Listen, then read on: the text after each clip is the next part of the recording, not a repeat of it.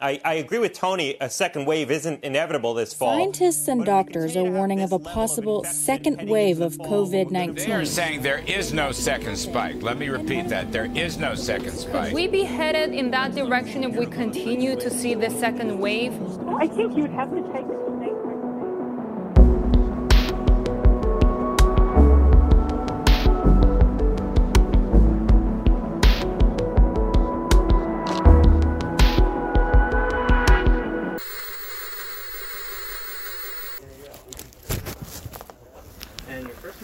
Patsy, P A T S Y.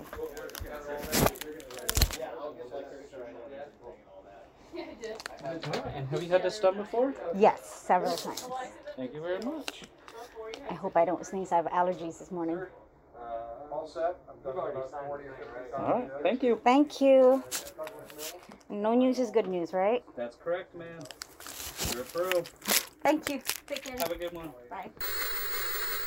Hai, saya Rifan Dwi Astono. Kamu sedang mendengarkan BTS Gedung Putih.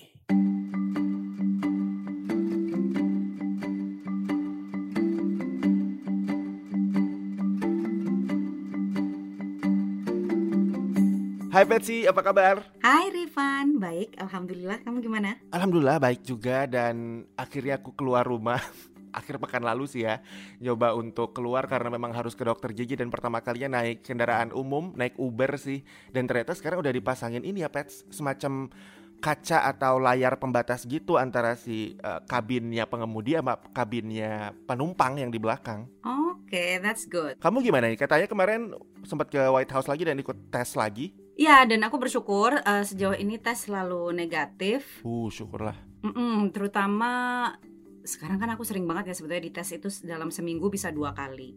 Hmm, karena memang banyak banyak acara harus giliran rotasi aku dan VOA itu selalu ini selalu kalau misalnya ada kan kita bagian dari rotasi pool reporter ini adalah mm-mm. reporter yang tugasnya nempelin presiden sepanjang hari. Nah VOA itu setiap kali ada outlet yang nggak bisa menjadi pool reporter mes- meskipun gilirannya hari itu saya sama koresponden VOA yang satu lagi Steve Herman selalu angkat tangan, pick me, pick me gitu kan. Hmm. Jadi jadi eh, sebetulnya bukan jatahnya kami rotasi tapi kami datang juga.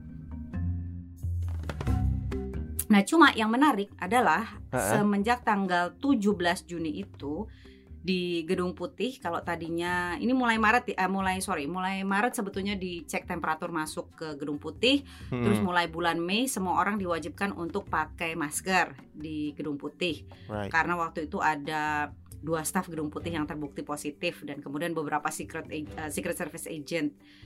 Tanggal 17 Juni kemarin Gedung Putih mengumumkan tidak perlu lagi, tidak no longer mandatory. Masker itu tidak lagi diwajibkan Lah. dan kita masuk Gedung Putih pun juga tidak dicek lagi temperaturnya. Your second question was I couldn't hear you. The can second- you, can you take it off because I cannot hear I'll, you? I'll just speak louder, sir. Oh, This- okay, good. You want to be politically correct. Go ahead. no, sir, I just want to wear Go the ahead. mask. Go ahead. go ahead. Tapi bagi wartawan yang masuk rotasi pool dalam arti yang akan berdekatan dengan presiden itu tetap dites coronavirus setiap uh, pagi sebelum mulai tugas. Alasannya apa tuh Pets? Nggak usah pakai masker lagi ke Gedung Putih Bukannya masih berlangsung nih pandeminya? Iya, dan itu juga nggak jelas sebetulnya Gedung Putih cuma mengatakan bahwa masks are recommended but no longer mandatory. Dia cuma bilang gitu si uh, sekretaris pers jubir Gedung Putih Kelly McEnany. Mhm. Um, tapi White House Correspondents Association ini asosiasi wartawan yang nggak ada hubungannya sama Gedung Putih, hanya wartawan yang meliput Gedung Putih menyatakan bahwa meskipun Gedung Putih sudah relaksasi peraturannya, tapi kita sendiri tetap menjaga. Jadi kami semua tetap memakai masker, eh, kami semua tetap membatasi datang ke Gedung Putih dan lebih baik work from home. Iya Apalagi belakangan ini justru meningkat pesat malah di Hmm. beberapa negara bagian Pets Di Oklahoma, malah di Arizona dan lain sebagainya Nah ini kenapa ya kok bisa naik lagi? Ini gelombang kedua atau bukan? Jadi kalau menurut pakar kesehatan yang namanya gelombang kedua itu adalah kalau gelombang pertama sudah selesai kan. Dalam Mhm. arti gelombang pertama itu semua kasus sudah turun, eh, tingkat infeksi semua sudah single digit rendah selama periode tertentu dan kemudian tiba-tiba ada spike lagi, naik lagi entah karena kejutan gelombang virus baru atau karena ada strain yang baru dan itu diperkirakan em, musim gugur nanti bulan September. Mhm. Nah, Amerika Serikat ini masih gelombang pertama sebetulnya dan seperti Rifan tadi bilang banyak sekali negara bagian yang meningkat pesat kasusnya. You know, talking to the health people, uh, this is nowhere near uh, some kind of second wave. Nowhere near it. Jadi sekarang kita tahu secara total tingkat kematian di Amerika Serikat sudah menembus 125 ribu, kasusnya juga sudah menembus 3 juta dan ini pun 3 juta juga diakui oleh ke kepala CDC Centers of Disease Control bahwa sebetulnya mungkin yang ke track hanya 10%. Jadi bisa jadi kasus sebenarnya itu 30 juta. Wow. oh my god kan. Uh, banyak sekali. Dan negara-negara bagian yang melonjak tajam uh, kenaikannya itu bisa selama dua minggu terakhir di atas 40% di atas 30% itu seperti Florida, Arizona, kemudian um, Texas, South Carolina, Mhm. negara-negara bagian yang ternyata reopen their economy, membuka ekonomi mereka dalam arti membolehkan orang ke bar, ke restoran, cukur rambut dan sebagainya terlalu cepat. Jadi akhirnya um, naik lagi itu kasus-kasus semuanya dan juga tidak memberlakukan social distancing dan tidak memberlakukan peraturan memakai masker. This is part of a process that we can be either part of the solution or part of the problem. If we don't extinguish the outbreak, sooner or later, even ones that are doing well are going to be vulnerable to the spread.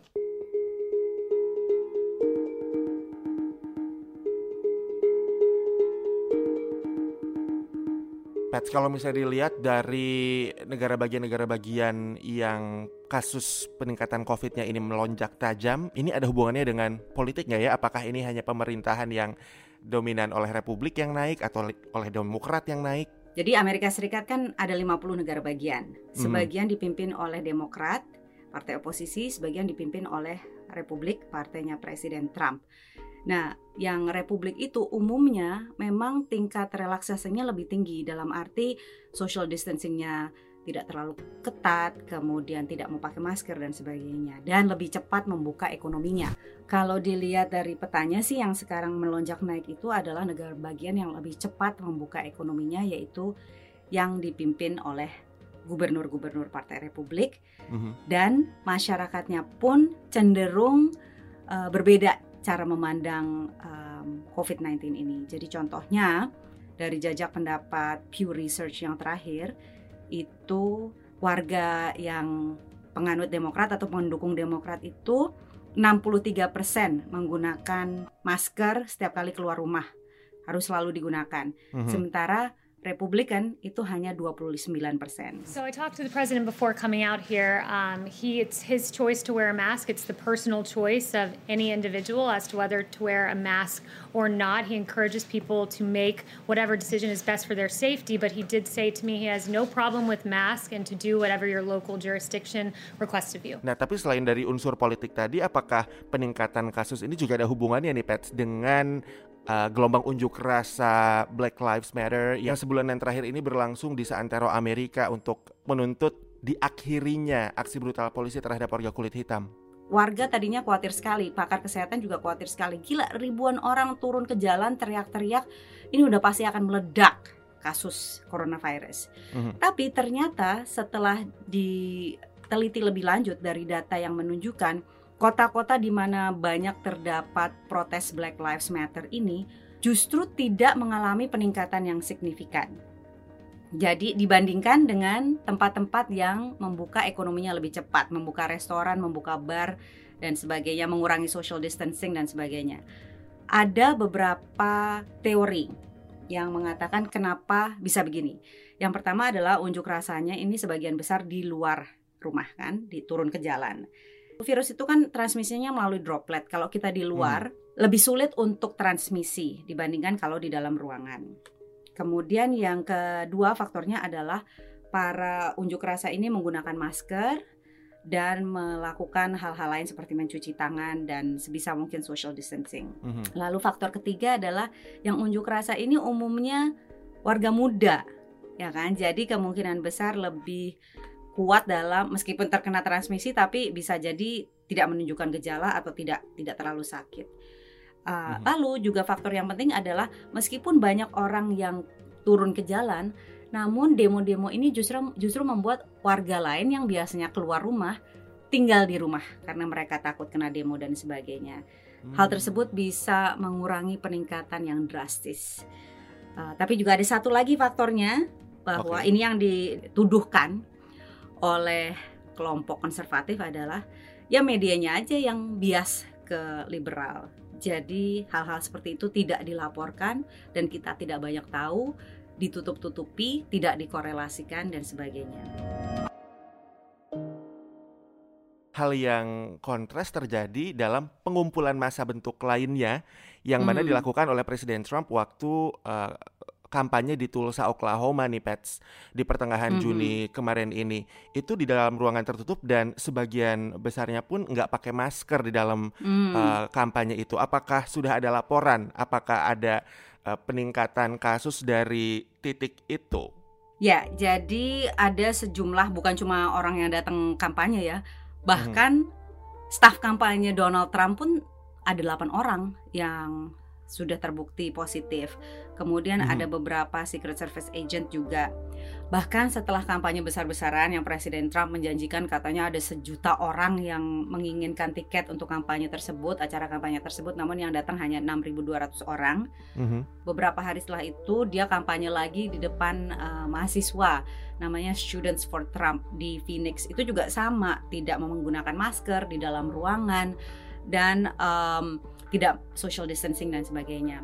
Nah, itu membuat Wakil Presiden Mike Pence dicecar habis-habisan ketika ia melakukan konferensi pers beberapa hari setelah kedua um, event kampanye tersebut di mana ia mengatakan oke kita harus social distancing, uh, milenial dan warga muda juga harus berusaha harus coba membantu dengan mengurangi keluar rumah dan sebagainya.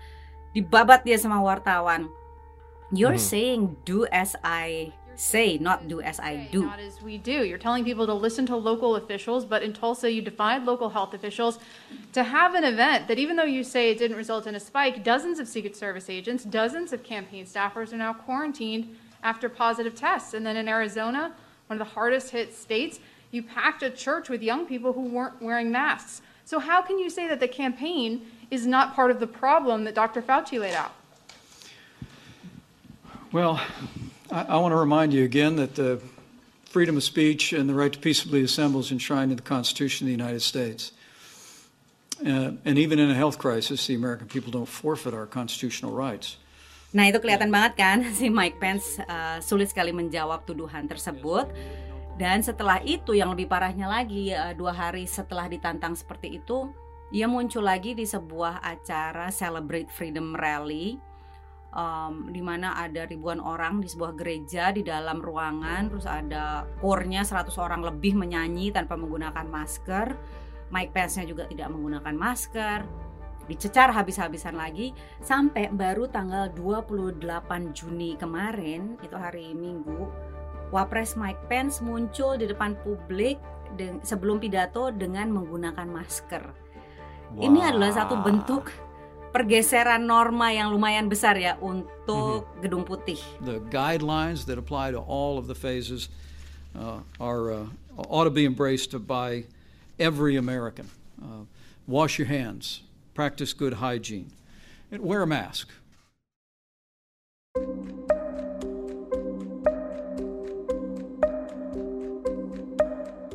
Sampai sekarang Presiden Trump belum mau tampil depan publik dengan menggunakan masker dan ini baru wapresnya setelah mendapatkan tantangan yang luar biasa. Yang menarik adalah bahwa dengan Pence melakukan ini, um, apakah ini juga otomatis bakal apa ya terjadi perubahan signifikan dalam upayanya pemerintahan Trump untuk menangani COVID-19? Hmm. Karena yang kita ingat waktu Trump sendiri kampanye di Tulsa, Oklahoma itu tanggal 20 Juni, dia sempat bilang bahwa kenapa sekarang peningkatan kasusnya melonjak karena testingnya ya banyak dilakukan.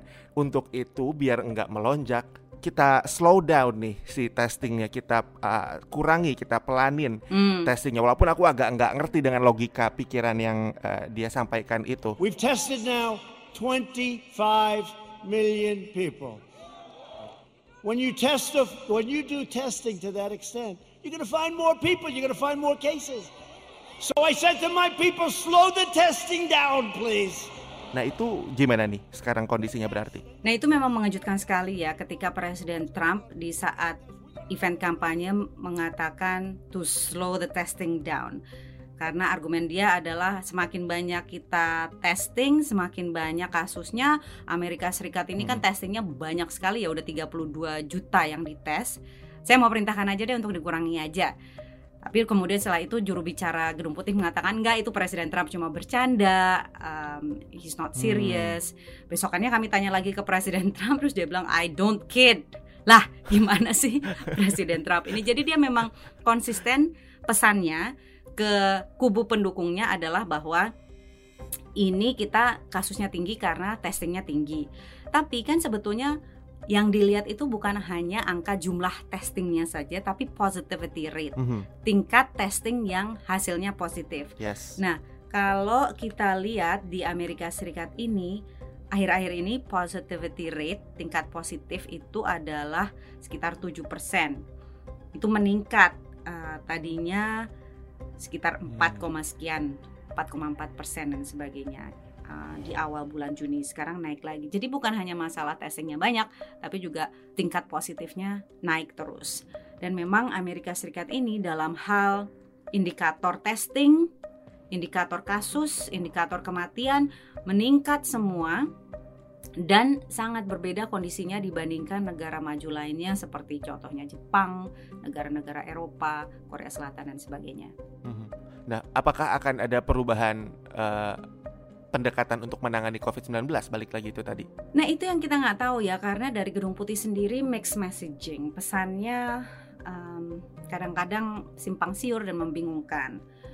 Kita sebetulnya punya gugus tugas coronavirus yang isinya orang-orang pinter, uh, memberikan nasihat yang baik dan sebagainya. Cuma ada juga pertimbangan-pertimbangan politis dari Presiden Trump yang tidak ingin kelihatan kalau kasusnya ini tinggi sehingga sedikit meremehkan, meminimalisir dan sebagainya. Jadi sulit memang karena yang namanya krisis ini kan harusnya dalam menghadapi krisis negara itu bersatu ya. Negara itu bersatu mengerahkan hmm. semua sumber daya untuk memerangi musuh bersama, tapi di bawah masa pemerintahan Trump ini sulit untuk dilakukan karena tingkat partisanship, tingkat perbedaan ideologis yang begitu tinggi di kalangan warga Amerika.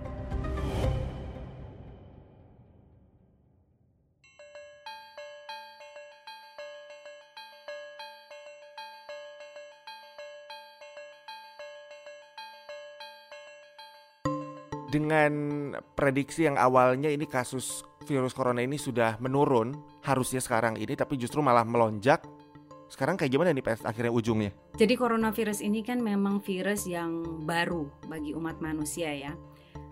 We don't know much about it, we're still learning about it. Kita masih belajar. Tadinya diasumsikan bulan Agustus dan bulan September itu Amerika Serikat akan sudah mulai mereda um, tingkatnya. Tapi sekarang ini memasuki bulan Juli itu justru naik lagi. Jadi ya nggak tahu kita ke depannya mau bagaimana. Semua itu tergantung banyak faktor, termasuk bagaimana warga Amerika ini bisa bersatu melawan virus ini. Dan sekarang karena berbagai faktor, termasuk faktor ideologis dan politik, itu sepertinya sulit dan ke depannya juga akan semakin meningkat uh, polarisasi tersebut terutama menjelang pemilu bulan November dan isu virus ini juga dipolitisir. Jadi I'm sorry I can't really say. Saya nggak tahu, nggak ada yang tahu. Satu-satunya yang bisa kita lakukan adalah do our best dan berharap yang terbaik.